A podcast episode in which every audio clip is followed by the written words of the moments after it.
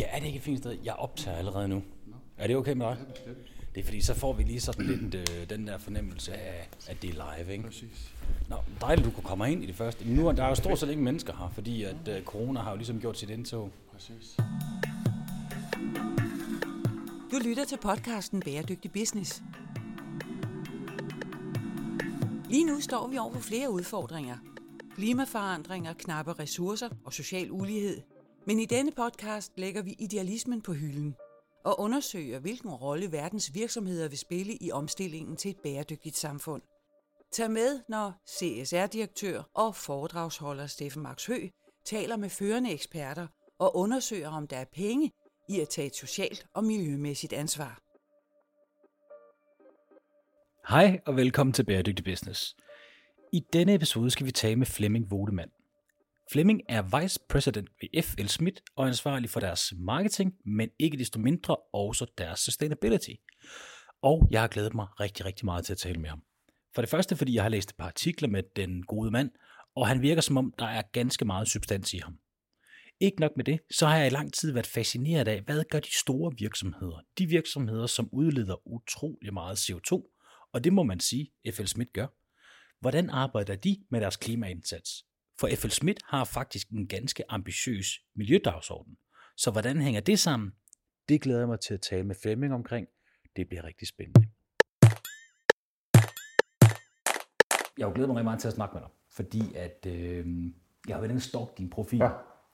Og jeg kan se, at du har lavet, altså du har for det første været ved mange spændende virksomheder. Det er ikke? rigtigt. Altså du har været ved Danfoss og Ja. Novozymes. Og Præcis. har du også været politisk konsulent, kunne jeg forstå? Øh, altså, jeg har, jeg har haft, inden da havde jeg mit eget firma i 10 år, og har også, kan du sige, arbejdet meget med politik, forstået på den måde, jeg har arbejdet med det, vi så i dag vil kalde public affairs, øh, og som man jo i gamle dage bare kaldte lobbyisme. Altså, Ja. Det er jo to sider sammenløbt. Ja, ja. Men det er jo sådan et fag, du ved, der blev lidt gedult, men så i stedet for at ændre ens adfærd, så fandt man bare på et nyt navn.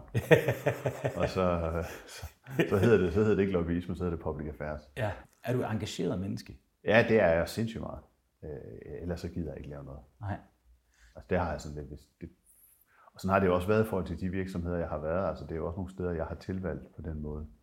Øh, og, og der kan du sige, at at- at jeg har jo aldrig gået efter noget, hvor jeg har tænkt, det skulle være nemt. Og så med, og med det mener jeg jo også, at du kan sige, det er jo, det er jo, det er jo nogle virksomheder, hvor jeg synes, der er et meget solidt fundament i forhold til, hvis man er passioneret omkring bæredygtighed.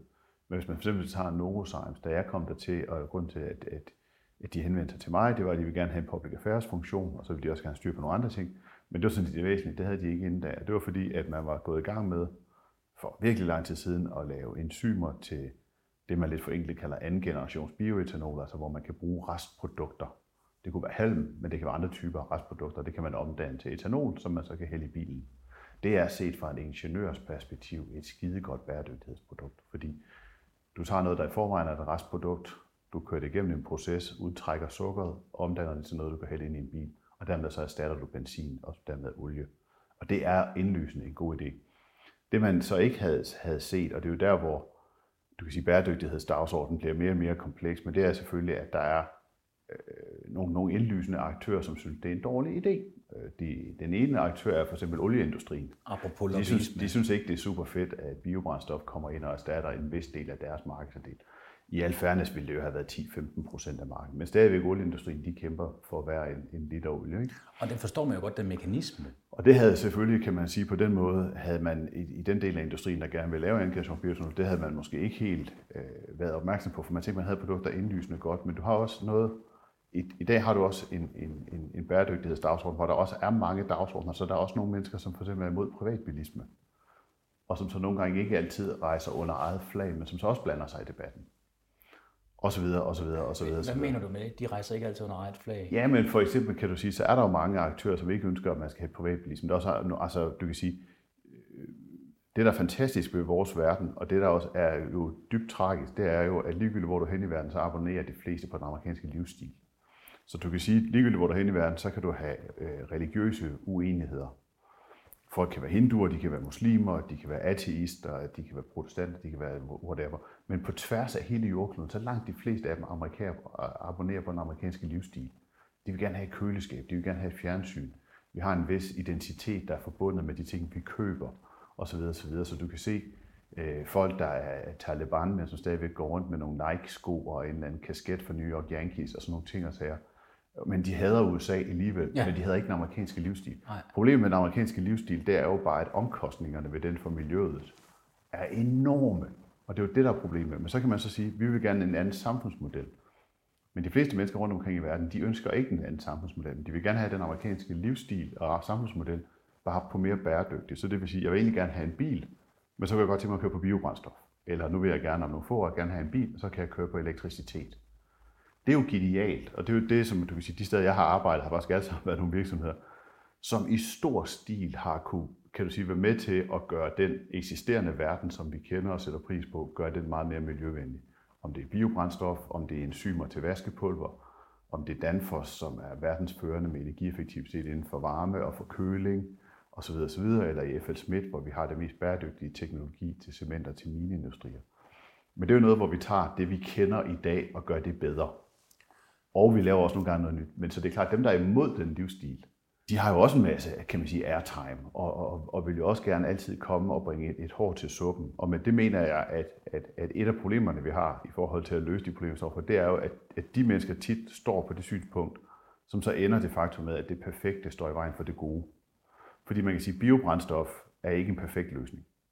Men i 10-20 år er det faktisk en ret god løsning. Og i den virkelige verden, alternativ til biobrændstof, det er, at man så kører på benzin. Og, og det er jo der, hvor så dem, der så ønsker, at vi slet ikke skal køre bil, at de kæmper nogle gange nogle lidt mystiske kampe. Men fordi du er imod biobrændstof, får du jo ikke folk til at hoppe over en bus. Nej. Og det der er nemlig en kæmpestor kommunikativ udfordring. Fordi alle organisationer, eller alle øh, virksomheder og alle brancher, altså det der er jo lidt af udfordringen, det er her, hvor vi står, der kan vi godt se ud i fremtiden, hvad vi gerne vil have. Ja. Men de løsninger er ikke klar endnu. Nej. Så det vil sige, for at komme hen til en bil, der for sandsynligvis skal køre på brint på et tidspunkt, ja. jamen så skal vi lige op på noget, som hedder noget hybrid, og måske lige op på noget el, og så skal vi op på noget andet. Men vi bliver nødt til at komme de trin igennem. Ja. Men det at få folk op på hybriden, når ja. man godt kan se el, og man godt kan se ja. noget, der hedder brint ude i fremtiden ja. måske, det, problem, det besværligt gør det første trin. Og det er også det, jeg hører dig snakke om her. Og du har så også øh, den anden ting, som gør det, gør, gør det en, en lille smule bøvle, det er også, at du så så du har nogen, der grundlæggende er imod, at vi har den indretning af vores samfund, hvor vi har i dag, og, og hvor vi jo hånd på hjertet forbruger meget, øh, og vi bevæger os rundt, og vi flyver rundt i verden, og vi vil gerne se verden, og vi vil gerne på Ja, det er jo indiskutabelt. Så, så, så det er der nogen, der ønsker et andet samfundsmodel. I Danmark er det jo for eksempel sådan noget som Alternativet, og, og det nye parti, de har og det er jo fair nok. Så derfor kan man sige, har de jo ikke nødvendigvis nogen interesse i, at man gør det, vi har i dag, lidt grønnere bid for bid. Så har du den anden, en anden del af problemet, det er, at du har nogle mennesker, inklusive øh, nogle IT-milliardærer og nogle andre, som siger, at vi skal opfinde noget, som er en total revolution. Ergo skal vi være imod de små forbedringer. Og der er også andre, for eksempel også Bjørn Lomborg har sagt, og det er jo også delvis rigtigt, at vi er også nødt til at investere i R&D, og hvis vi så venter 10 år, så kommer den her store løsning. Men indtil da skal vi egentlig ikke lave de små forbedringer, der er ingen grund til at bruge penge på det. Vi satser lidt mere på R&D, og så om 10 år kommer der nogle, nogle store projekter. Og dem, så der er sådan et samsur, kan du sige, mellem denne verdens Bjørn Lomborg, men også nogle af de der IT-milliardærer, som satser på at vi skal lave en, en, et atomkraftværk, der kan være en container. Min overbevisning er, at vi har brug for begge dele. Fordi jeg tror grundlæggende ikke på, at vi har råd til med uret, der tigger, at vente på, at Bill Gates får succes med at lave et atomkraftværk i en container, også når vi ved, hvad de andre komplikationer ved et atomkraftværk i en container er med sikkerhed og folks, der er frygt. Jeg tror selv fuldt og helt på atomkraft, men man kan jo bare se, hvad for nogle problemer de allerede har i dag, ubegrundet. Så derfor er jeg nok af den overbevisning, at ja, vi har også brug for de små forbedringer, hvor vi gør et eksisterende produkt 4% bedre i dag, 5% bedre i morgen, 10% bedre næste år osv. osv., osv. Og vi skal så samtidig også lave de store gennembrud. Men vi er nødt til at gøre begge det. Vi har simpelthen ikke råd til at fravælge de små forbedringer, mens vi venter på de store spring. Og den, og den sidste element på det er jo også, at det er jo også de små spring, der er med til at finansiere den anden del. Fordi hvis du igen tog for eksempel Novozymes, Danfoss eller FL Schmidt, vi har jo ikke råd til at vente på, at vi har opfundet noget genialt om 10 år. Altså, vi har en forretning, vi skal drive i 2020, i 2021 og i 2022. Og det er jo ud af den forretning, at alle de tre virksomheder pumper masser af penge ned i R&D, som så en gang imellem medfører, at du får nogle kæmpe store, nye, spændende ting. Øh, at du kan lave enzymer, som der gør, at du kan vaske tøj med koldt vand, og det bliver rent. Altså, men det er jo kun fordi, du har en løbende forretning, at du kan finansiere de ting. Det er klart. så derfor er den der med at vente 10 år på noget genialt, det, det er dødsens farligt, hvis den kommer til at stå som kontrast til også de små forbedringer. Men det er jo netop det, som regeringen har lagt op til, i, øh, når Mette Frederiksen har kommunikeret ud i forhold til, hvordan det er, vi skal nå 2030-målsætning herhjemme. Og der er jo mange, der oplever det som fugle på taget. Men der er jo ingen tvivl om, at vi kan jo ikke løse de nuværende problemer med de løsninger, vi har. Men du taler jo så for begge løsninger. Ja, så jeg tror, du er nødt til at gøre begge dele. Det tror jeg faktisk egentlig også, at det regeringen mener. Ja. Øh, og, og forstået på den måde, at de jo også sætter en masse ting i søen her og nu. Et, et, altså, og det problemet er jo igen, at vi når jo ikke det, vi vil i Danmark og globalt, uden også at have mange begge små. Så man kan sige for eksempel i Danmark, noget af det, som regeringen har gjort efter, at jeg selv også har, har talt for det i mange år, for eksempel holde op med at have afgifter på brugen af overskudsvarme. Fordi det er jo tåbeligt, hvis Aalborg Portland har en masse varme, som man sender ud af skorsten i dag, hvis det kan blive sendt ud i Aalborg by, øh, og dermed fortrænge noget andet. Det er en indlysende god idé. Hvorfor skal der med at betale skat på det? Så, så, så de ting laver regeringen jo nu, men det giver så et lille bitte bidrag. Så har du den næste lille bitte bitte ting i forhold til, hvordan bygningsreglementet bliver i forhold til træladsvinduer. Så det er jo mange begge små, det laver man. Men det regeringen selvfølgelig så også gør, hvor du får fat i nogle lidt større dele, det er så for eksempel, hvis der skal være sådan et carbon capture, altså et, et CO2-fangstanlæg ude på Amagerforbrændingen. Det er klart, det er lidt mere volum, voluminøst, men det er også... Og det er også under udvikling. Det er jo ikke noget, det er også under udvikling, og det er meget dyrt. Øh, men jeg siger, i en af de industrier, vi arbejder inden for cement, der bliver der lavet sådan et anlæg nu i Norge. Så bare for at give, kan man sige, lytterne et perspektiv på, hvad koster det? Det koster 2,8 milliarder euro på én cementfabrik. Så vi taler altså øh, noget op i lav 25-30 milliarder kroner for et anlæg. Og det betaler Norge. Det er det første i verden. Så ved du, at det næste anlæg, det bliver markant billigere. Ja, jeg skulle lige til det tredje anlæg bliver lidt billigere, Ja. og det nede femte anlæg kan det være, at du måske har halveret prisen. Men det må der jo alt andet lige være en kæmpe forretning i, at få lavet de her carbon capture. Kæmpe forretning, helt sikkert. Men hvad er udfordringen? Er det så at rejse kapital? Ja, det, du kan sige, der er teknologisk er der sådan set ikke nogen udfordring, men du kan sige, det det koster, og som vi nu ved, at nu bygger man et fuldskala anlæg i Norge, det er, at det koster 150 euro per ton CO2. Prisen på markedet i dag er 26 euro per ton CO2. Ja, så det er jo selvfølgelig så, så du kan sætte dig ned, hvis du er Dan Jørgensen, eller øh, dem over en mere sandsynlig også over i Finansministeriet, nødt til at regne på, hvad er vi egentlig råd til, og hvad vil vi gerne. Så siger du, markedsprisen er 26 euro, vi kan lave carbon capture for 150 euro. Hvad kan vi lave in between? Og der kan du sige, der får du et kæmpe langt katalog. Og der kan du sige, for eksempel ved man jo også, at de første 500.000 elbiler er relativt billige, men det er jo også det, der er problemet, det er jo, at de næste 100.000 og de næste 100.000 op mod en million elbiler, så stiger prisen dramatisk. Men har, Så har, de, så de kalkyler er jo også væsentlige. Så kan man godt kritisere regeringen for, at de vil tage nogle af de store spændende ting til sidst i den her periode. Men, men, det, men det giver jo god mening. Altså, jeg er også skatteyder i det her land, og jeg synes, det giver god mening, at vi du ved, energirenoverer vores ejendomsmasse. At når vi har udbud til nye offentlige bygninger, at vi bruger bæredygtig cement der og, og ordentlige materialer. Altså, der er mange ting, vi kan gøre her og nu, som også batter noget. Og så er der nogle af de store ting, så må vi acceptere, at de kommer måske i 2025 og 2027. Du lytter til podcasten Bæredygtig Business. men kan du ikke føle, at øh, hvis det er, at man taler om, at det er teknologien, der skal bringe os derhen, hvor vi gerne alle sammen vil hen i forhold til 2030-målsætningen, og at der skal investeres ind i den her del. Og så kan man jo sige, hvis man ikke er klar til at investere ind i forhold til for eksempel at lave en carbon capture løsning på en cementfabrik, som velvidende kommer til at være rigtig dyr til at starte med, ja. men som jo immer væk giver os nogle first mover effekter, så vi måske kunne høste nogle fordele, og dermed lave et nyt, øh, måske et nyt vindeventyr, ja. eller hvad ved jeg. Så der skal noget investering til, for at det er, man overhovedet kommer derhen. Ja, og det vil regeringen jo også. Altså jeg hører jo regeringen sådan, at nu vil de gerne i hvert fald undersøge og finansiere, at der bliver lavet carbon capture på Amagerforbrændingen i 2025, og måske på Aalborg Portland i 2030. Øh, Ja, det synes jeg giver afsindig god mening. Mm, bestemt. Øh, og så bliver vi ikke first mover i Danmark, men vi bliver sådan second, smart Ja, ja, second vi stadig mover. med. Ja, og det giver nok rigtig, rigtig god mening rent økonomisk. Altså i Danmark har vi, vi har bare et problem i Danmark, som næsten ingen andre lande har, når vi taler om alt det, vi taler om her. Og det er jo, at vores skatter og afgifter er rekordhøje på alting. Så det vil sige, hvis man nu siger, at nu vil vi gerne minimere prisen på elektricitet, og så vil vi flytte beskatningen et andet sted hen, altså så har vi udtømt mulighederne, fordi det politiske råderum findes ikke. Du kan ikke sætte skatten op på arbejde, uden at det har en negativ effekt. Du kan måske sætte skatten op på boliger, det får også en negativ effekt. Men der er ikke noget, du ikke kan beskatte. Men og problemet er, at hvis en, en, en, en kilowatt-time koster 2 kroner 20, hvor er de 2 kroner af skatter og afgifter?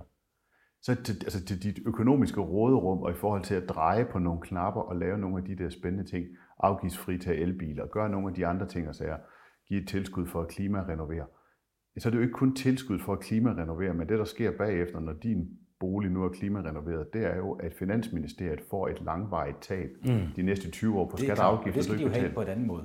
I min egen husholdning, så har jeg sådan der mål og løbende, hvad er min elektricitetsforbrug. Og det er, jeg har tre teenage-døtre, de har alle sammen, jeg ved ikke hvor mange elektroniske devices. Øh, Vi har, jeg må jo med, med skyld indrømme at sige, vi har både en opvaskemaskine og tørretumbler og sådan noget. Ikke?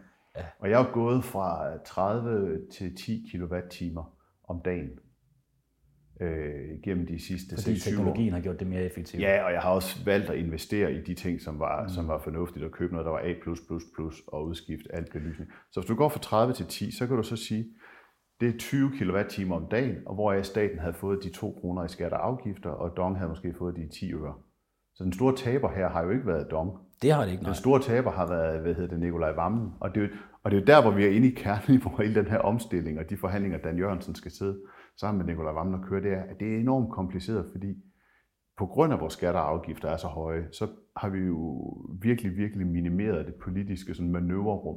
Men er det ikke netop det, der skal tages fat i, sådan som man siger, jamen så fjerner vi afgifterne på det, vi gerne vil have mere af, og så lægger vi dem over på det, vi vil have mindre af? Jo, men problemet er, hvis du nu siger, at jeg vil gerne bruge 5 milliarder på at lempe afgifterne på, på elbiler for eksempel. Øh, ja, men, men i selvsamme forhandling siger Pia Olsen Dyr, hun vil gerne have to lærere i alle klasserne, og i selvsamme forhandlinger siger Pernille Vermund, at hun vil gerne have sådan og sådan i ældreplejen, og i, i samme forhandling, så vil Morten Messersmith gerne have nogle penge til det. Øh, Og det er jo det, der er problemet, det er jo, at det er jo kun de samme penge. Ja. Et stykke hen ad vejen. Selvfølgelig kan vi låne nogle, og vi kan trykke penge også, men, men, men et stykke hen ad vejen, så er det de samme penge. Og, vi kan ikke, altså, og, og det er jo den, kan du sige, sådan fysiske virkelighed, øh, klima, kan man sige, klimaforhandlerne er løbet, løbet ind i. Ja, der er, Og det er også mange der, ting, der skal og det er, jo, betales. det er jo derfor, jeg synes, det, det, det er fornuftigt at have sådan et, et, øh, et katalog, som de jo også har fået udviklet omkring, hvad koster de forskellige løsninger. Så igen, du ved nu, at de første 500.000 elbiler, det er relativt billigt. Det er dyrt, men relativt, ikke? Mm. Men de næste 500.000 elbiler, de er faktisk meget, meget, meget, meget dyre. Så må man sætte sig ned og sige, men vil man Og det er jo fordi, man skal investere i elnettet og så videre. Ja, ja, men det er også noget med at gøre igen, at du har et enormt stort afgiftstab, modsætning til, hvis en dansker går ud og køber en benzinbil, ikke? og hvor der er 180% afgifter på den, ikke? i modsætning til sådan en elbil. Så, så du har et ekstremt tab på hver evig eneste bil, og det kan du så leve med, hvis det er en langsom indfasning. Derudover har det jo så en social slagside ved, at det er jo forholdsvis velstående mennesker, der i hvert fald indtil videre har haft råd til at købe elbiler. Og det er jo et problem selvfølgelig for en rød regering, der har nogle støttepartier, der også er relativt røde, at, at det jo reelt har en omvendt Robin Hood-effekt. Men det, der er jo spændende, det er, når man tænker på den danske økonomi, den er jo bygget på ryggen af de store virksomheder, og du har selv arbejdet for flere af dem, og FL Schmidt, hvor du arbejder nu. Så hvordan, og i den periode, hvor de blevet bygget op, de store industrivirksomheder, der har bæredygtighed jo ikke været relevant. Der har været meget social ansvarlighed, som også hører ind under det, og det er sådan set rigtig fint, men særligt klimadelen. Så hvad gør man, når man skal transformere så stor en virksomhed, med så stor en omsætning, med så mange medarbejdere, med så gammel kultur, som også er en meget, meget svingende branche, fordi det er cement jo, det må vi jo bare kende. Hvad gør man så? Og det er jo rigtig interessant at høre. Men skal vi ikke starte med Jo. at finde ud af, hvad er det egentlig? FL Schmidt har jo to fokusområder. Ikke? I laver cement og mining ja. øh, og minearbejde. Og, og minearbejdet er rigtig godt. Cement er lidt mindre lukrativt marked for jer. Ikke? Og det må man sige lige her nu. Ja, lige her nu. Men det er jo alt. Det svinger sådan lidt hver 7. og 8. år. Ja, nå, det, sådan er det jo. Men, men, men det, jeg synes, der kunne være meget spændende, det er, hvad er det egentlig, der er jeres udfordring, når man ser det, altså bæredygtighedsudfordring med FL Smiths øjne? Ja, så du kan sige, hvis, man, eller hvis jeg går et skridt baglæns, så kan du sige, at i, øh, i november sidste år, der lancerede vi noget, vi kalder Mission Zero. Og Mission Zero handler i al sin enkelhed om, at vi lover, har en ambition om, at i 2030, så kan vi levere teknologi både til cement og til miner, hvor de kan drive deres virksomheder med nul emissioner. Og det er jo ret ambitiøst. Ja, det, det, må det, er, det er ekstremt ambitiøst. Øh, Det er jo også derfor, det er sjovt. Men, men, og det er også, det er også enormt vigtigt, fordi det er to industrier, som er enormt vigtige, men som også har enorm udledning. Det er også to industrier, som det er meget svært at subsidiere. Altså det vil sige, der er ikke rigtig så mange alternative materialer. Altså hvis du ønsker en, en, en, et, et samfund, som er enormt elektrificeret, apropos elbiler og muligt andet, så kommer du ikke udenom, og så får du til at bruge ret store volumener af kover, for eksempel. Ja. Og der er ikke nogen erstatning for det. Noget af koveren kan du få for noget, du genanvender, men du skal stadigvæk grave noget ud af jorden og forarbejde det. Det kommer vi ikke udenom. Så derfor er det, vi laver jo på den måde dobbelt vigtigt, fordi det både undersøger den grønne omstilling, øh, men det er så også nogle, nogle, nogle produkter, som har et stort fodaftryk, og som vi derfor skal have løst hurtigt. Så i 2030 vil vi have teknologien klar til, at begge industrier kan operere med nul emissioner. Det betyder ikke, at industrierne i 2030 vil have nul emissioner, fordi der er sådan en, en, en investeringshorisont i de her industrier, som typisk er en 20-25 år. Så det vil sige, at det tager selvfølgelig en vis tid at udskifte udstyr. Så lad os så sige, at hvis vi er klar i 2030, så er industrien jo nok reelt, kan du sige, sådan noget afkarboniseret i 10-20 år derefter ungefær. Og det vil jo ikke alle sammen være. Der er nogen, der vil købe hos vores konkurrenter og købe noget dårligere udstyr. Så ligesom, sige... ligesom bilflåden i Danmark, så, Dan, altså, så lytter forstår det at sige, bilflåden i Danmark, den er i gennemsnit 16 år gammel. Så det vil sige, hvis vi i dag beslutter os for, at nu skal 10% af alle nye biler være elbiler, så kan man simpelthen sætte sig ned og begynde at regne, at hvis alle biler bliver udskiftet hver 16 år, og det tager vi 10% om året, altså så kan vi godt regne ud, at det tager ret mange årtier før, at alle kører i elbiler. Så, I så sådan er det også i vores industrier i virkeligheden. Ikke? Altså I har teknologien klar i, I 2030. 2030. Men den gode nyhed er så, fordi hvis man så ikke skal vente helt ind til, til, til det alt, alt for sent, det er jo, at i dag kan vi cirka levere 70% emissionsreduktioner. Så det vil sige, at de 100% er vores ambition. De 70% er enten noget, vi har på hylderne, eller noget, vi vil udvikle på. Så der er 30%, vi ikke har fundet nu, vi ikke har identificeret. Vi har nogle idéer om, hvad de 30% kunne bestå af. Det er for eksempel blandt andet øh, carbon capture, som, som vi stadigvæk tror reelt først har gang på jorden hen mod slutningen. Det her med, at man suger øh, carbon ja, man indfanger øh, øh, carbon. Og det tror vi nok først har reelt gang på jorden mod slutningen af den her tidshorisont. Men så vi kan reducere i dag med 70 procent med det vi, det, vi kender til. Vi vil gerne hen på 100 procent. Du kan sige, at vores udfordringer er, at det er jo selvfølgelig, at vores kunder grundlæggende har det helt store problem, det er, at de leverer nogle produkter, som er relativt ensartet. Altså et, et, øh, det er en commodity, og med en commodity kan du sige, for eksempel kover er kover er kover, aluminium er aluminium. Så er der nogle nuancer lidt efter, hvad, for, hvad, det er for nogle, hvad, det er, hvad det er, de skal bruges til. Men det er relativt ens produkter, og der er en global pris på de her produkter. Så det vil sige, at der er ikke rigtig noget, der differentierer, hvis du siger, nu kommer jeg med en grøn kover. Det, det produkt findes Nej, ikke, og der er ikke, og der er ikke nogen, der er villige til at betale for det. Det ændrer sig heldigvis i de her år, så det er jo sindssygt godt for os næste år, på der, hvor man så aftaler priser på råvarerne, det gør man på London Metals Exchange. Til næste år leverer de en, en prissætning på det, man så vil kalde sådan en low carbon aluminium, altså en aluminium, som har et markant mindre CO2-fodaftryk. Hvordan gør man det? Det forstår jeg simpelthen ikke. Så man har simpelthen, kan man sige, sådan en gammeldags råvarebørs, øh, og som man har været haft nu i næsten 200 år i London, hvor man simpelthen alle aktørerne, som dem, der sælger, øh, kover, aluminium, nikkel, zink, øh, sjældne jordarter, de mødes og siger, jeg har så meget her, jeg gerne vil sælge, der vil man gerne købe det. Og så aftaler man prisen på dagen, ligesom man gør med aktier og med obligationer og alt muligt andet. Men hvordan kan man lave en, øh, så en hvis grøn man, løsning? Så hvis man nu siger aluminium igen, der har man et, et globalt gennemsnit fodaftryk på omkring 16 tons CO2 for 1 tons aluminium. Øh, hvis du bruger genanvendelig aluminium, så er du nede på 1 ton. Hvis du bruger noget aluminium fra dele af Frankrig, dele af Norge, så er du måske 2-3 tons. Øh, fordi de har enormt meget vandkraft, og aluminium kræver meget elektricitet, så det er klart, at hvis din elektricitet kommer fra vandkraft, så er dit aftryk ret lavt. Hvis du laver aluminium i Kina, hvor du har 100% kul, så lægger du nok måske på nogle 20. Så hvis vi så siger 16, det er det globale gennemsnit, lad os så sige, at vi aftaler, at i første omgang, så det vi kalder lav øh, carbon, lad os sige, det var 8 tons eller derunder. Så de produkter, der nu er klassificeret og certificeret på den måde, dem aftaler man en pris på. Så vil sige, hvem vil så betale for det? Det finder vi så ud af, om der er et marked, men det skal der være. Det kunne fx være Apple, som har sagt, at deres MacBooks fremadrettet, deres iPhones, skal bruge øh, aluminium, som har et meget lavt miljøfodaftryk. Så trækker alle, øh, Apple jo lige pludselig det i den rigtige retning. Andre, som er interesserede, det er Nestlé, fordi de jo for lang tid siden fik ørerne voldsomt de maskinen med de her små kapsler til kaffe, øh, som jo også er aluminium. Øh, og du har også for eksempel, du kan, man kan sagtens forestille sig sådan nogle som Audi og Folkevognsgruppen, som bruger rigtig meget aluminium til at gøre bilerne lettere og dermed også mere miljøvenlig, så, så man kan sige, i stedet for at have mere stål i en bil, så er der mere aluminium.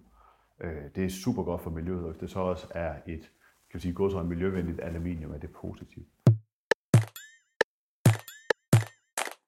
Men der er jo rigtig, rigtig mange problemer med minedrift, at det simpelthen sker under rigtig forfærdelige forhold. Ja. Og altså, altså virksomheder som Apple har jo fået øh, bøder for, øh, for minedrift, fordi de bruger nogle underleverandører. Ja. Og er det ikke et spørgsmål om, at det er så lidt transparent? Altså det er jo ikke fordi, man har siddet og besluttet, at nu sparer vi lige ekstra, eller det antager jeg da ikke. Men det er vel fordi, man har så lidt styr på sin supply chain, at man faktisk ikke ved nøjagtigt, hvad der foregår ude i det led. Man køber så at sige bare en vare, og så håber man, at de lever op til de krav, der er sådan en compliance med. Du vil sige, indtil for nylig har man jo været ligeglad, for at være helt ærlig. Ja. Altså, det har jo været ligeglad. Det kan vi jo så bare kalde spade for en spade. De har jo været ligeglade. Og det er jo der, hvor medierne og NGO'erne er en velsignelse, fordi det er jo kun fordi, de har gjort Apple opmærksom på det, at der er sket noget. Eller der er nogen, der er nede i øh, DR Kongo og ude og filme øh, nogle af de koboldminer, hvordan tingene egentlig foregår, og som er en væsentlig del for, at vi kan få lavet en elektrificering af vores samfund, har brug for den der kobold.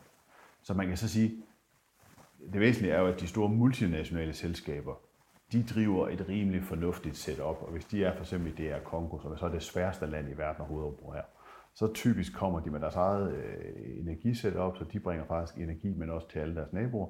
De sørger typisk for, at der bliver bygget et hospital, der bliver bygget skoler, og så videre, så videre, så videre. Så, Fordi de er der så lang tid? Så ja, de er der for så lang tid. Typisk så har du så måske sådan en mine i stedet mellem 25 og 50 år. Mange af koverminerne i verden har jo været i operation i mere end 100 år. Ja, så jeg har besøgt en kovermine i Arizona, hvor det var tredje generation af dem, jeg mødte, der arbejdede der. Ja, det er sgu imponerende. Så derfor så har man selvfølgelig skoler, hospitaler og infrastruktur, som ting Men men øh, hvis du så har gjort det, som NGO'erne så har gjort, så det er jo så den, den, den negative side af mønten. Det er jo en velsignelse, at de gør opmærksom på nogle af de problemer, der er der, og de problemer er der jo. Problemet er jo så, at, at hvis du så nogle gange, øh, altså kan du sige, får skabt så meget ståhej omkring det, at i virkeligheden de multinationale for eksempel har solgt deres miner i Kongo, som har været tilfældet, som så bliver overtaget af statsejede kinesiske virksomheder, øh, og de driver, som man også mange steder, nogle fornuftige ting, men, men, men ikke helt på samme måde. Og som NGO har du i hvert fald afskåret dig nu for at have en dialog med dem. Men, men den præmis køber jeg fuldstændig, fordi det er klart, at store virksomheder, som er på et, øh, et altså, som er på et demokratisk jord, som gør, at du kan købe en aktie, så kan du komme ind og se, hvad der ja. sker, og du har presset, der kigger dem efter. Ja. Altså, at de, de er jo altså, tvunget eller har lyst til at gøre det lidt mere ordentligt. Det, det tror jeg fuldstændig på. Men hvordan får vi så skabt et marked for, at den der kobold, når ja. man køber den, ja. at den er lavet under rigtige omstændigheder eller gode øh, vilkår, ja. kontra den knap så gode, som måske et dubiøs ki- ja. kinesisk virksomhed har gjort. Hvordan skal man som forbruger, ja. altså når jeg så går ud og køber Præcis. en mobiltelefon, hvordan sørger jeg for at købe den rigtige kobolt? Ja. Fordi man kan jo ikke bare lave den dyrere den ene. Altså, nej, så, så, nej, det ved ja, jeg jo ikke, om pengene går der Men du kan sige, øh, det der sker faktisk lige mens vi taler nu, det er egentlig, at for alle de her råvarer er der nu lavet et, øh, sådan et, et, et værdikædet samarbejde, hvor man i virkeligheden nu i virkeligheden abonnerer på et, et ret bredt forståelse på, på kover for eksempel, som jeg selv har været med til at udvikle konceptet for. Der har man 32 indikatorer inden for bæredygtighed, så det vil sige, det er enormt bredt. Det er både børnearbejde, øh, det er ligestilling, det er biodiversitet, altså det, er, altså det er 32 indikatorer. Det betyder, at de store producenter af kover i verden, de abonnerer nu på det, og det vil sige, at de skal nu i virkeligheden øh, validere og dokumentere, at de lever op til alle de her ting. Så så er det klart, så har du stadigvæk selvfølgelig en vis del af industrien, som ikke lever op til det. Men det betyder så i hvert fald jo, at, at hvis du er BMW, og du vil gerne have, at det kover, der nu indgår i din næste bølge af elbiler, er bæredygtigt, og det er i hvert fald nogen, der abonnerer på en ordning, hvor de i hvert fald også arbejder hen imod at gøre det, men det er også nu er nogen, der lægger deres data frem, så andre kan kigge dem over skulder. På kobolt for eksempel, som er en af de mest problematiske, kover er relativt nemt. Kobolt er ret problematisk, det meste kommer fra Kongo, og det er et forfærdeligt land at operere i, og du får alle problemerne. Uanset om du så var en mine, eller du drev noget helt andet, så har du de problemer, der nu er i Kongo. Der har Folkevogn gået ind sammen med Glencore og sagt, som er de eneste multinationale, der er tilbage i hele Kongo. Så har Folkevogn sagt til Glencore, vi kører alt vores kobolt for jer, men så i fællesskab laver vi simpelthen et værdikæde ansvar, hvor vi går helt ned på minen, så vi kan stå og se den mine, hvor det kobolt kommer fra. Og så sidder man og kigger på, om man sammen med IBM kan lave en blockchain-løsning, så man har den her traceability. Altså at man simpelthen kan sige, så man kan sige, at kobolten kommer fra den specifikke mine. Ja. Fordi det, der sker, når du ikke har den her traceability, det er typisk det, at meget af det her bliver minet et sted i verden. Det bliver solgt til en mellemhandler, som sælger til en mellemhandler, som så flytter det hele til Kina, hvor alting bliver smeltet om.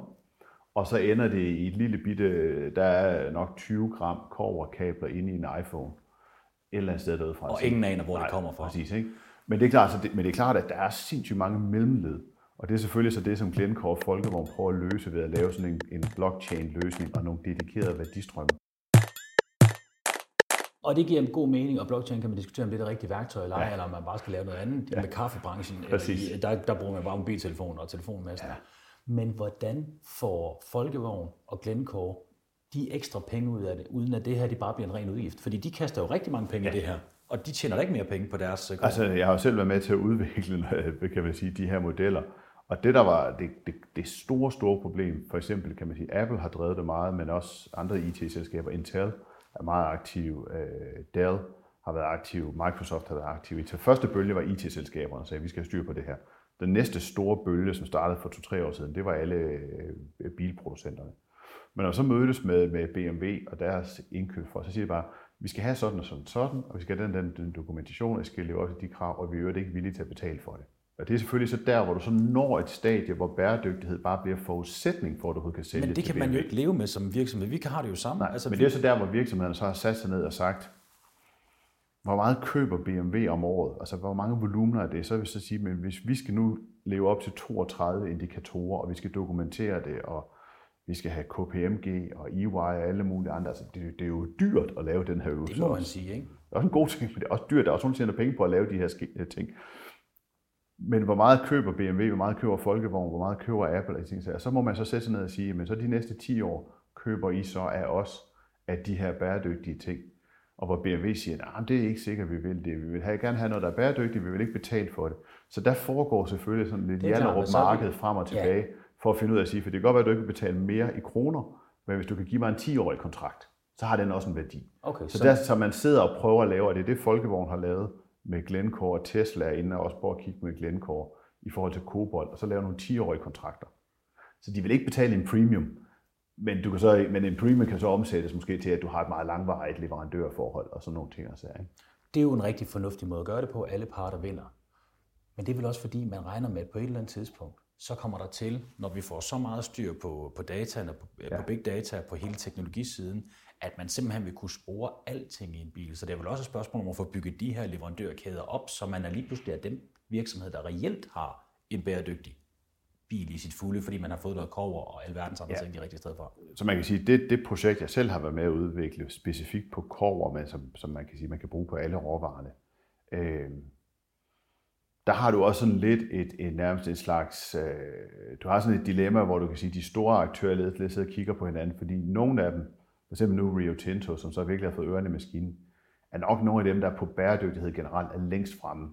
Øh, de har noget aluminium, og de har noget kover, som har nogle meget, meget lave emissioner på tværs af alle emissioner, ikke kun CO2. Altså, de er virkelig, virkelig dygtige til bæredygtighed. Så de kan sige, hvorfor skulle vi være med til at udvikle sådan et, et, øh, et projekt, hvis vi selv er frontrunners? Det så du har sådan nogle dilemmaer, men hvor man så, og det var noget, jeg selv brugte meget tid på at tale med alle mine selskaberne om i 12-18 måneder, hvor jeg må til sidst opnå en enighed om, ja, nogle af os har måske en fordel på den korte bane, men måske er det smartest, at vi som industri står sammen. Fordi som industri har vi også det problem, det er, det kræver kun et selskab for at ødelægge hele industriens image. Så, så, så der er nogle ting, vi nok også er nødt til at løfte øh, som en industri, og det bliver man så enige om. Så i dag har du for aluminium noget, der hedder Aluminium Stewardship Initiative, for kobber noget, der hedder Copper Mark, osv. osv. Så, så nu har du faktisk, alle råvarerne er faktisk alle sammen dækket ind og du kan gå ind og tjekke det. Og du har så måske 10-15 procent af den samlede volumen, der er nu med i de ting. Så, så, så igen, det er jo nogle få, der virkelig trækker læsset, ikke? så nu har du måske, lad os sige, 10 procent af den hele volumen er omfattet. Og jeg, mit bedste bud var, det var at sige, hvis man i løbet af 10 år har 50 procent af volumen, så lad os være under ingen illusion. De andre 50 procent er jo nogle af de produkter, der er måske er produceret ikke særlig bæredygtigt. Så på et tidspunkt er vi også nødt til at tage hånd om, hvad gør vi så med den del? Men, men, men igen, vi er nødt til at drive lidt nogle af tingene med dem, der gerne vil drive noget positiv forandring først og fremmest. Øh, og så er det også vigtigt, at de så får de kontrakter med Apple, yeah. med BMW, med Nestlé, med nogle af de andre. Og vi der så også, som jeg selv har ret mange Apple-produkter, jeg har også en del produkter fra Nestlé, og spiser også nogle gange nogle af Nestlés produkter. Altså vi er jo også nødt til så også at være med til at understøtte den del og enten ved at, når vi er ude og handle ind, og, og så videre, og så videre, og når, vi er i en dialog med de der virksomheder, også sende signaler om, vi faktisk sætter pris på, at for 2022, min nye MacBook, den kommer faktisk kun med low carbon aluminium. Det er, der synes jeg, der er fedt.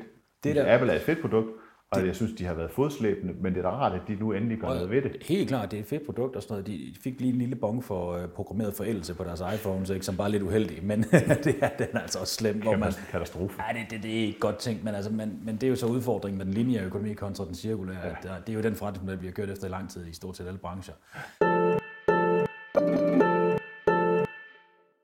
Men hvordan går man ind og skaber konkurrence på to produkter, der ligner hinanden, men hvor det ene det har en lav CO2-emission, og det andet ikke har? Hvordan skaber man den konkurrence, så der er noget værdi for virksomheden, der tager det ansvar at gå ud og udvikle nye løsninger? Jeg tror, der, der, der er to tilgange til det. Den ene, det kan man sige, det er niche-delen. Og det er nok det, der bliver drevet af, af Apple og Nestlé og nogle få andre. Øh, det kan også være Carlsberg med aluminiums øh, hvad det, øh, dåser det er jo ikke noget, der de batter ikke nødvendigvis så meget volumenmæssigt, men de er villige til at give kontrakter til nogen, måske også betale lidt mere, men til nogle få niche, eller dem, der er i hvert fald længst fremme i bussen. Det er sådan noget, hvor Rio Tinto har lavet aftaler med Apple om at levere til dem, og så har de en bæredygtighedsfri. Det, det, så det kan man sige, det er volumenmæssigt ikke særlig meget, men det har stor betydning for hele industrien. Der, hvor du så rammer noget, hvor du har kæmpe volumen, og hvor du virkelig kan flytte noget også virkelig CO2-mæssigt, det er jo så på de offentlige indkøb. Så det er jo, at hvis, hvis, hvis det offentlige i Europa enten selv bygger, er involveret i, eller har nogle kontrakter, hvor det er nogle andre, der bygger for dem på den ene og på den anden tredje måde, der kan gå ind og sætte nogle standarder for at sige, for eksempel, at vores cement skal have 30% mindre CO2 i 2022, mm. hvilket ikke vil være urimeligt. Og vi vil have 40% mindre i 2025. Så, så der driver man volumen, og så får du på et tidspunkt et setup, hvor du kan sige, Rio Tinto, som måske har x antal steder i verden, de producerer aluminium så har de nu en dedikeret linje i Kanada, der går til det aluminium til de kunder, der er villige til at betale for det. Men på et tidspunkt når du også så meget volumen, at det faktisk ikke kan svare sig at have den ikke bæredygtige linje åben længere. Og det er jo det, vi har set for eksempel med økologi og andre produkter. Altså, altså, så bliver det bare det, der faktisk bliver den store volumen. Men incitamentstrukturen skal jo ændres for den bæredygtige løsning, for ellers så bliver man jo ved med at lave den, den ikke bæredygtige løsning, okay. fordi det kender vi, og vi, der er jo, det er jo sjovt, som, som brændstofsøkonomien i en bil, den ikke havde ændret sig i 30 år, og så lige pludselig kom der fokus, og så kunne bilerne køre markant længere på hvis en liter. Du, hvis du ser på det udstyr, vi sælger i FL Smith, så kan du sige, at vi har lavet en masse fravalg, så vi sælger ikke kan du sige, dårligt udstyr. Vi sælger heller ikke udstyr i det, man som kan sådan et, et mellemmarked, hvor der er store volumener. Og det vi kan simpelthen ikke konkurrere med nogen, der er meget billigere end os i, den, i sådan det store mellemmarked. Så, så i virkeligheden kan man sige, at vi har med vilje øh, skrumpet vores forretning meget markant, fordi der simpelthen er en volumen, hvor vi ikke kan være med længere. Så det eneste sted, hvor vi kan være med, det er sådan et, et, et premium segment, hvor folk primært køber super god kvalitet og noget, der er digitalt og noget, der er bæredygtigt. Så der har vi så truffet jo nogle valg inde i, den, inde i det segment, og vi trækker industrien med os. Måske lidt fodslæbende, det er lidt forskelligt. Men, men så det, det kunne sige, det er, sådan, det er gulderådsdelen af industrien, men jeg tror også i høj grad, at man bliver nødt til at gøre endnu mere, hvor man udfaser de dårlige produkter. Så hvis du tager for eksempel energimærkningen i, i EU de sidste 10 år, så havde du for, for i 2010, så havde du 10% af markedet, som var A eller A+. I 2020 så er 90% af markedet A eller A+. Mm. Det er nærmest, du skal nærmest gøre en indsats for at købe et energiineffektivt køleskab. Men det er også nemt at måle, og man fik en rigtig fin ja, oversigt. men du er nødt til, nu er du nødt til, så det har du gjort på forbrugerprodukter med en vis succes. Men der er vi nødt til nu at se på alle former for industri, sværtransport osv. osv. at sige, at den ineffektive teknologi skal vi også have udfaset. Det er ikke nok, at vi kun taler om, at KLM kan have en lille iblanding af noget biobrændstof, at SAS laver nogle gode initiativer igen, at Nestlé laver nogle få gode initiativer. Vi er også nødt til at eliminere de dårlige produkter. Og det er for eksempel noget af det, hvor man kan sige, på vores, på vores område, så er det jo ikke sådan, så at det kun skulle være os og to andre i hele verden, der konkurrerer om verdensmarkedet. Det er jo ikke det, jeg foreslår, men jeg foreslår, at dem, der leverer noget teknologi, der svarer til vores i 70'erne og 80'erne, at det skal simpelthen fjernes fra markedet. Så det vil sige, der skal være et incitament til at lave de gode ting, men vi er også nødt til at få fjernet de dårlige produkter fra markedet. Det har man jo gjort for eksempel på, på, på store køleting i sin tid, dengang hvor vi havde fræren. Øh, I dag har vi haft nogle kølegasser, som man i det, der hedder Montreal-protokollen, simpelthen har besluttet sig for, at man udfaser. Og det er man også nødt til en gang imellem. Altså man nogle gange bare siger, de produkter skal simpelthen ikke være på markedet, og så giver vi industrien fem år til at sige, dem kan du ikke sælge længere. Du er simpelthen nødt til at sælge noget andet og noget bedre. Men industrien er jo ikke altid en medspiller. I FL Smith synes vi, det er fedt, fordi vi har valgt kun at være i toppen. Men du har jo nogen, der både er premium og ikke premium. Fordi det giver også en prisdifferentiering for dem. Det er klart. Men, men, Og de synes jo ikke, det er lige så sjovt. Men uanset hvad, så tror jeg simpelthen, vi er nødt til at bruge mere også både stok og gulderråd, og det vil sige, stokken det er simpelthen at eliminere de dårlige produkter ved at sætte nogle højere standarder. Du lytter til podcasten Bæredygtig Business. Hvordan, sådan lige til allersidst, hvordan, øh, og det er jo så et super nemt spørgsmål, hvordan knækker man lige den kurve der med, at vi skal øge incitamentstrukturen for at lave den bære, udvikle den bæredygtige løsning, men vi må ikke forringe Danmarks konkurrenceevne i forhold til markedet. Hvordan fanden gør man lige det? Jeg er med på, at det er fuldstændig umuligt at svare på, men øh, hvis nogen skal have en chance, så skal det næsten være dig. Ja, jeg, altså jeg tror jo, en, en, en stor del af det, det er selvfølgelig, at, øh, at, at du rammer ind i noget af det, som regeringen også prøver at gøre nu, det er selvfølgelig at betale nogle meget, meget, at det bliver jo nogle meget store beløb for nogle få udviklingsprojekter i Danmark. Det kan være carbon capture på Amagerforbrænding, det kan være, at man i Jylland bliver nødt til at investere nogle ret store milliardbeløb i at udvikle biogas og få drevet prisen ned på det. Nu har man haft det her med, med Power to X og nogle af de ting, og det er dyrt, og det er meget, meget dyrt at drive de ting. Og det betyder selvfølgelig også, at i et lille bitte land skal vi også nok kun drive nogle få ting. Men noget af det, som, som, som vi jo gerne siger til, til de danske politikere, det er, og det er igen ikke enten eller, vi er nødt til at gøre begge dele. Du skal gøre de ting i Danmark, men, men det er jo endnu vigtigere for vores forretning, at når Dan Jørgensen tager til Bruxelles og kæmper en kamp, eller når han tager ud og taler med, med OECD-landene, eller når han tager til COP26 i Glasgow til næste år.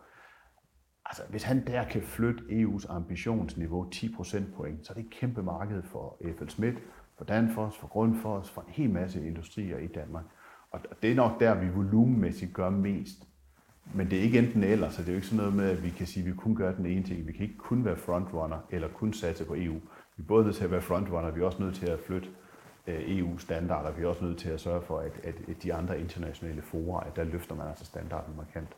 Har I et fællesskab, hvor I går sammen? Altså, hvordan er dialogen? Ja, du kan, sige, Danfoss, du kan sige, at vi har jo et, et, et, et sindssygt godt fællesskab, som hedder Dansk Industri, som jo står mere samlet end nogensinde før, og også øh, jo kæmpe forandring inden for de sidste par år. Jeg synes, at, at, at selvfølgelig er det et, et, et, en holdindsats, men også en som Lars Sandal har jo virkelig også fået sat meget mere effektivt det, og mere øh, en virkelig, virkelig grøn dagsorden, men også har fået alle med. Og, og det er jo også der, hvor man kan sige, hvis man gik 10 år tilbage, var dansk industri måske lidt sværere at navigere, fordi du havde altså simpelthen så store interne konflikter mellem virksomhederne, som ville noget forskelligt. Altså der har man fået skabt meget mere øh, sammenhold, og man er blevet mere enige om den der dagsorden. Men det betyder selvfølgelig også, at den politiske gennemslagskraft har jo heller aldrig været større, end den er i dag, heldigvis. Og det er jo sindssygt godt for os, der vil den der bæredygtige udvikling, at du nu i dag har et, et DI, der faktisk står stærkere end nogensinde før. Ja, og Lars Sandel har jo lige vundet en pris ved Sustain Award for... Afsindig velfortjent. Og, og det er virkelig velfortjent. Det er, altså, fordi ja. Dansk Industri har om nogen været ude og vise flaget. Altså, og det er, jo, det er jo faktisk lidt nye toner, hvor man kan sige fra yes. en lobbyorganisation, som har adskillige tusind virksomheder under sig, at man viser, at vi skal altså ind og gøre noget her. De, Men som købmand må du da også, eller der kan jeg da i hvert fald se, der er jo kæmpe potentiale i den grønne omstilling. Sindssygt. Men hvorfor er det så, at vi har så fodslæbende politikere? Det er min overbevisning i hvert fald. Jeg synes ikke, at der sker nok på den der agenda. Altså for os er det jo ikke sådan, at vi har et kæmpe potentiale. Vi har et kæmpe potentiale. Vi har heller ikke noget alternativ. Nej. Fordi øh, det gælder for os, men det vil jeg mene, det gælder nok også for mange af vores, vores kollegaer i, i, i dansk industri. Altså, vi kan kun konkurrere inden for noget, hvor du øger produktivitet, øger effektivitet, øger innovation og digitale løsninger, som alt i alt har noget med bæredygtighed at gøre. Altså, ja. der er folk ude i verden, som simpelthen kan tage vores gamle produkter og lave dem billigere, end vi selv kan lave dem for at være hudløse. Det er dyrt at arbejde i Danmark. Øh, ja, og selv vores produktionssetup i Kina, vil der være nogle kinesere, der vil kunne lære det endnu billigere derude. Øh, så, så, så, så, så, så på den måde, det er en kæmpe forretningsmulighed. Vi har bare heller ikke noget alternativ, fordi så er vi out of business, hvis vi ikke også, kan man sige, ligesom, altså arbejder 110% dedikeret på, på den her dagsorden. Så, så der synes jeg på den måde, så er det jo også nogle gange relativt simpelt, fordi valgene er, er, er på den måde ret enkle. Øh, men, men det er klart, at altså, vores forretning bliver bedre og bedre, jo flere mennesker ude i verden, du får overbevist om det her. Fordi vi sælger jo ikke noget i Danmark. Vi har måske én kunde i Danmark. Øh, altså, så hele vores omsætning er jo altså 99,999 procent af omsætningen er altså ude i verden. Ja, men det er jo stadigvæk herhjemme, at I bliver ramt i forhold til CO2-udledning. Altså, der kigger man jo rigtig meget på jeres branche. Ikke? Altså, Aalborg Portland har jo ja. virkelig fået nogle tæsk i medierne i forhold til, at, at de udleder utrolig meget CO2. Men det er jo vel at mærke, altså, det er jo en kæmpe stor virksomhed, og vi har jo i høj grad brug for de produkter, der bliver lavet. Det må man sige. Men for eksempel jeres virksomhed, det er godt at I kører det hele til udlandet, men herhjemme bliver I jo taxeret for det. Ja, men, men, men det kan sige, det, det, det, det, jeg vil sige, det er ikke engang noget, vi bruger tid på. Altså det, det, det, det er meget, meget, meget, meget, meget, meget langt ned på dagsordenen, for at være helt ærlig, fordi det er, øh, jeg vil sige, det, det 99 procent af alt det, vi bruger krudt på, det er simpelthen forretningsudviklingsdelen af det, og muligheden for at sælge noget. Altså der, øh, vi, vi kigger, hvis vi kigger på vores værdikæde i i FL Smith, både på cement og på mine, 99 procent af CO2-udledninger, hvis vi nu tager CO2, der er mange andre emissioner, 99 procent af udledningen, den sker ude hos vores kunder, når vores produkter er i brug. Den ene procent af, af den samlede udledning er i IFL Schmidt selv. Det er jo klart. Den ene procent ja. af den ene procent Det er jo af, scope. af vores aftryk selv. Det er jo scope 3, den bliver helt Ja, over. og så, så 1 og 2 er faktisk 1 procent af 1 procent. Det er vores udledninger. Ja. Fordi vi har så kæmpe stor en, en leverandørkæde også. Så mange af stålelementerne og mange af den del er jo noget, vi har outsourcet. Det tracker vi også, det tager vi også ansvar for. Men det er virkelig vildt, at, altså, at 99% af de samlede udledninger ligger hos vores kunder, og kun 1% af den ene procent er hos os selv. Så øh, den skal også gå i nul, men, men, men nogle gange skal vi også operere lidt med sådan de store talslov, øh, og, og få gjort noget ved de vigtigste ting først. Men det er jo også der, forretningen ligger. Forretningen ligger jo netop i at udvikle, sådan så det er, at leverandør, eller jeres ja. kunder, de rent faktisk kan producere ting ude i verden med lavere emissioner end alle mulige andre. Ja. Så det er ikke sådan, så du ved, det er ikke sådan, så at, at vi ikke også, øh, når vi skifter firmabil, ikke også skal have en bedre firmabilspolitik, men det er en promille af en promille af et eller andet i forhold til, øh, fordi vi opererer simpelthen inden for industrien, hvor, hvor omfanget og volumen er enorme. Hvad tænker du sådan rent adfærdsmæssigt i forhold til hele organisationen? Altså, hvordan er FL Smiths... Øh, I har jo en meget tydelig bæredygtig strategi, strategi som også går øh, følger regeringen i forhold til 2030-målsætningen. Men hvor meget er medarbejdere involveret i det her? Er det primært er det research and development og topledelse, eller er det noget, som er i en større del af kulturen? Det er en stor del af kulturen. Øh, vi lancerede den her vores bæredygtighedsambition 6. november sidste år, øh, og, og vi havde sådan, det, man kalder sådan Capital Markets Day, hvor vi havde alle, inviteret alle investorerne til at, at komme og høre omkring, hvad er vores planer osv. osv. sådan en hel dag. Og da vi så var færdige sådan noget hen ad 18.30 og sådan ting, så, jeg, så tror jeg, jeg havde fået 100 beskeder fra kollegaer i hele verden, som bare var ikke sindssygt begejstrede og sagde, det her det er totalt spot on. Det var folk fra Australien, folk fra Vietnam, folk fra Peru, fra alle mulige steder i verden, som skrev, hvor er det her fedt. Jeg er simpelthen så stolt af at arbejde i FS Midt i dag. Og jeg havde en kollega, der har været der i 35 år, han ringede til mig kl. 19 så han skulle bare lige vide, her til aftensmaden, så havde jeg to øh, teenage-døtre. De sagde, det er første gang nogensinde, vi egentlig forstår, hvad det er, vores far laver. Altså, så bliver man jo i godt humør, og så ved man også, at det ikke er helt ved siden af. Øh, og det er jo også stærkt motiverende for vores kollegaer. De, de er begejstrede for det her. Og, og, og det er jo noget, vi faktisk tit diskuterer, eller, øh, at, at det der med, at det ikke er et dansk fænomen, det er faktisk kollegaer overalt i verden, som er begejstrede for det her. Jeg vil ikke sige, at jeg var overrasket over det, men, men måske en lille smule overrasket, at det er ikke bare sådan et hovedkvarters ting. Øh, og så tror jeg også, at der i høj grad jo også er en generationsting, fordi for os handler det jo også om, at, at, lige nu er vi selvfølgelig i en kæmpe økonomisk krise, og vi har jo desværre måttet afskedige en masse mennesker i år, men, men, men på et eller andet tidspunkt kommer vi ud på den anden side af alt det her, og vi skal også kunne ansætte folk. Vi ansætter også folk i dag, fordi der selvfølgelig er en vis udskiftning, og, og der kan man sige, at at når jeg taler med vores rekrutteringsfolk i vores HR-afdeling, så siger de, at der har ikke været én kandidat siden 6. november sidste år, der ikke har spurgt til Mission Zero. Og det er jo et meget, meget bredt billede. Det ser vi jo virkelig, virkelig mange steder. Og det er afsindigt afgørende for hele den rekruttering. Jeg har selv i min egen afdeling ansat to mennesker i indeværende år, og begge to havde sagt, hvis det ikke havde været for Mission Zero, så ville vi aldrig finde på at arbejde for FL Smith. Men nu må man så sige, at din afdeling, som jo alt andet lige er ret stor, når ja. Du sidder som, som VP og både har, har marketing og sidder med alt sustainability, det er jo kæmpe stort. Ja. Ja. Men der er der måske lidt mere arbejde med bæredygtighed. Hvordan får man Mission Zero til at blive mere end bare jeres mission? Hvordan kommer man rent faktisk ud og får medarbejderne til at ja. pille ved den og bidrage til den? Ja. Og kan man overhovedet det? Det kan man sagtens. Øh, det vi sidder og nørkler med øh, i de her dage, hvor, hvor, hvor, hvor, vi, hvor vi, kan sige, vi optager den her samtale, det er faktisk vores mål for 2021, men også den del af vores mål, som hænger op på vores bonusprogrammer. Og det vil sige, at vi sidder nu her og udvikler, kan du sige, nogle indikatorer for, hvor meget af vores bonus i 2021 er koblet op på Mission Zero, fordi vi har gjort det nu på, på Mission Zero. Vi har taget vores produktportefølje, og så har vi sagt, hvad for nogle er mest Mission Zero, hvad for nogle er mindst. Og der er nogle af dem, som vi siger, de er måske ikke udenfor, whatever, fordi det er jo ikke, altså det skal ikke være sådan, så at alt bare er Mission Zero. Det er det overhovedet ikke. Så vi har lavet sådan et, et logisk hierarki, alt efter hvad er performance. Og det er klart, at nu vil vi gerne sørge for, at til næste år, at vores kollegaer sælger mest af de bedste produkter. Og så det begynder vi så at finde ud af, hvordan kan vi skrue det sammen i forhold til vores bonusmodel. Øh, og det, det kører vi ud på en del af organisationen i 2021, og så er målet, at samtlige medarbejdere i 2022 har et Mission Zero indikator i deres bonusmodel øh, og alle incitamentstrukturerne, som simpelthen afspejler, at vi vil faktisk fremadrettet gerne sælge meget mere af de bedste produkter. Fordi vi også har en ambition om løbende at udfase de knap så gode produkter. Fordi igen, vi vil kun være i det her premium segment. Vi har ikke nogen ambition om at være i et eller andet midt-segment. Der på den måde er der jo en logisk sammenhæng, at alle, næsten alle synes, det er, øh, det er fedt, vi har den her ambition, de vil gerne med på det. Men nu har vi også sådan ligesom sagt, at altså, at, at du ved, nu, nu putter vi altså også pengene bagved det, sådan så at, at der er en klar sammenhæng. Men hvis man følger lidt med i alle de rapporter, der bliver udgivet omkring, hvad er det, der er de virksomme faktorer, hvis man skal have tingene til at leve, ja. så er det jo lige præcis det her, man snakker ja. om. Man ja. snakker jo om, at incitamentprogrammet og KPI-strukturen præcis. skal bygges ind, ja. så det skal rent faktisk være positivt for den enkelte person præcis. at være med til at bidrage til, til den grønne og bæredygtige løsning. Men det, jeg også lytter mig til her, det er jo også, at jeres bæredygtighedsstrategi og jeres strategi er jo smeltet sammen her, for det lyder som om, at vi har ikke en bæredygtighedsstrategi. Nej, I har en strategi, der er bæredygtig. Ja. Og ja. det, man kan sige her, det lyder også som om, at når man sælger de bæredygtige produkter, så er det faktisk der, I tjener jeres penge. Fuldstændig. Og det er jo altafgørende. Fordi det er jo det er den næste del af rejsen, som vi ikke er skarpe på i dag, men som vi skal være mere skarpe på i dag, det er selvfølgelig, at de bedste produkter, altså der, hvor du har der hvor du sparer mest, og du minimerer udledningerne mest muligt, altså der vil vi også gerne ind og arbejde med en anden prissætning. Øh, det er vi ikke nået til endnu, for at være helt ærlig.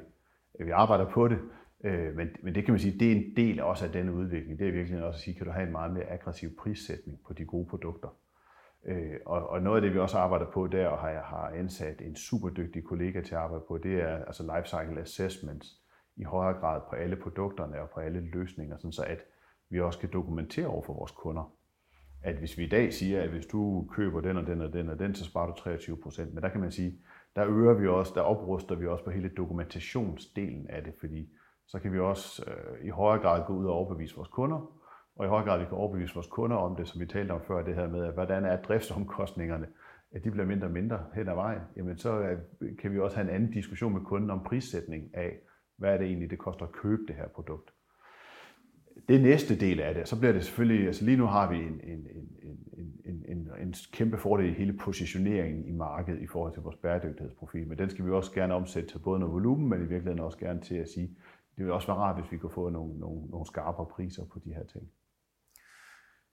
Tusind tak, Flemming Wodemann. Det har virkelig været spændende at tale med dig, og rigtig interessant at høre om, hvordan man altså så praktisk går til værks i så stor en international virksomhed. Tusind tak, fordi du ville være med. Det var så let. Selv tak. Så er Flemming. Så har han forladt os. Det har, været en, øh, det har sgu været spændende at snakke med Flemming mange øh, interessante perspektiver på, øh, på bæredygtighed, og det er fedt at høre, når det er så stor en virksomhed, det drejer sig om. Altså, hvordan er det reelt, at man går ind og laver den her type impact? Nå, men tak fordi I lyttede til Bæredygtig Business. Jeg håber, I har lyst til at lytte med igen en anden gang. Ha' en rigtig god dag.